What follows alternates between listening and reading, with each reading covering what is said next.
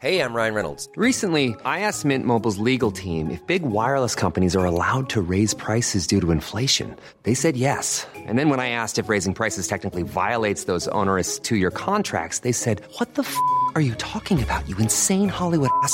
So to recap, we're cutting the price of Mint Unlimited from $30 a month to just $15 a month. Give it a try at mintmobile.com slash switch. $45 upfront for three months plus taxes and fees. Promo rate for new customers for limited time. Unlimited more than 40 gigabytes per month. Slows. Full terms at mintmobile.com. Halo, selamat hari Jumat. Ketemu lagi di podcast Love Lavina. Gimana kabarnya hari ini? Aku tuh baru aja ngeliat story teman aku yang posting tentang open recruitment di perusahaannya dia. Terus aku tuh jadi mikir-mikir ya, dengar-dengar dari banyak orang dan juga keluhan orang-orang di sosmed. Kayaknya sekarang tuh makin susah gak sih buat cari kerja, buat dapetin kerja. Seleksinya semakin sulit, terus yang daftar juga kayaknya makin banyak intinya sekarang buat cari kerja tuh makin makin kompetitif. Ya nggak sih?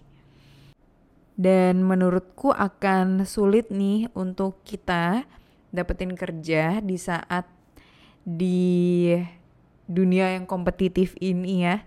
Kalau misalnya kita nggak punya yang namanya edit value atau nilai tambah yang membedakan diri kita dengan banyak orang lainnya karena ya bayangin aja ketika kita lulus nih di saat yang bersamaan lihat aja tuh ketika wisuda ada berapa ribu orang yang juga lulus dan kemungkinan mayoritasnya semuanya tuh bakalan cari kerja.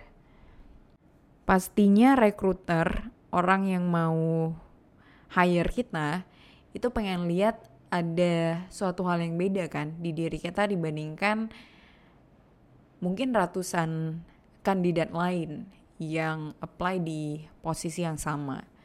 Makanya kita harus punya edit value itu di diri kita.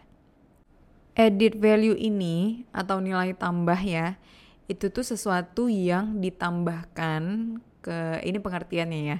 Sesuatu yang ditambahkan ke barang atau jasa yang kita jual agar produk tersebut lebih unggul. Jadi secara sederhana edit value ini adalah pembeda. Misalnya nih, kita mau jualan kentang goreng. Di lokasi yang sama, di tempat kita mau jual kentang goreng, itu ada sekitar tiga orang lainnya yang juga jualan kentang goreng. Nah, gimana caranya biar orang-orang tuh beli kentang goreng di kita instead of di tempatnya orang lain? Di tiga tempat lainnya itu.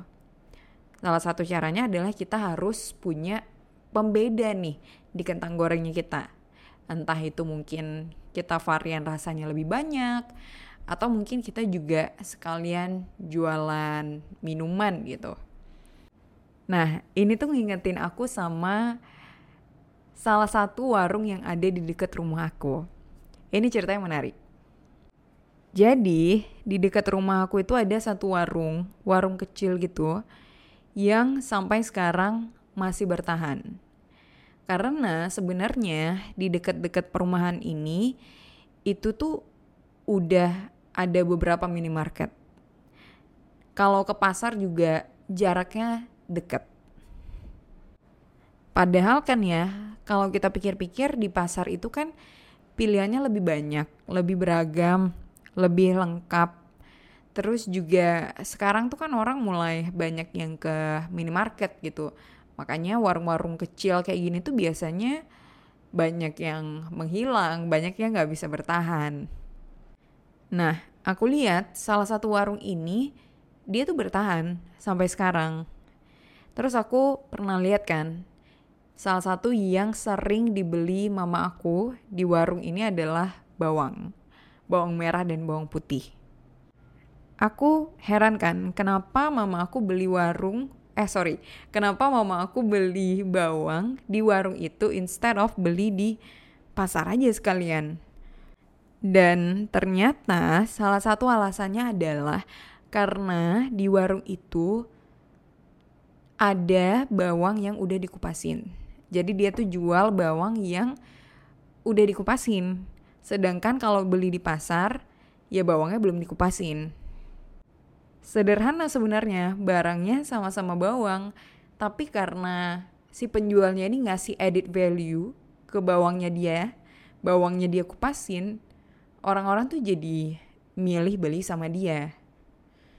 Dan satu hal lain yang aku lihat dari yang pemilik warung ini, dia tuh juga seneng ngobrol gitu loh sama ibu-ibu yang belanja di tempatnya dia.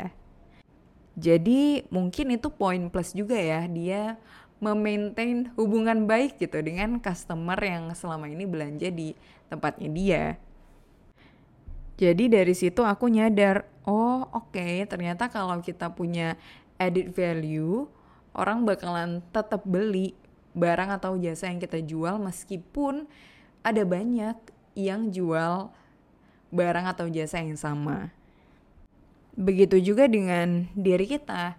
Ada banyak memang yang sama misalnya dengan aku nih.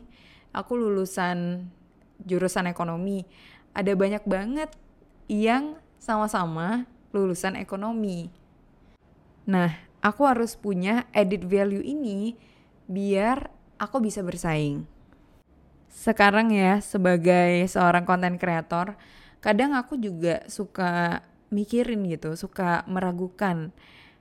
Emang bakalan tetap ada ya yang suka sama kontennya aku. Karena sekarang konten kreator itu jumlahnya udah banyak banget dan sebenarnya yang dibahas juga ya udah itu-itu aja, itu-itu lagi. Nah, tapi aku meyakini bahwa selama aku bisa ngasih edit value, orang bakalan tetap bisa nikmatin kontennya aku. Dan ini berlaku ke semua profesi, semua hal. Ini bisa diterapin untuk barang atau jasa apa pun yang pengen kamu jual. Dan gak cuma itu, ini juga bisa kamu terapin ke diri kamu sendiri sebagai aset yang paling berharga. Jadi di dunia yang setiap hari makin kompetitif ini, makin banyak orang-orang yang ngelakuin hal yang sama, kita harus ingat untuk nambahin edit value di diri kita biar kita bisa terus bersaing.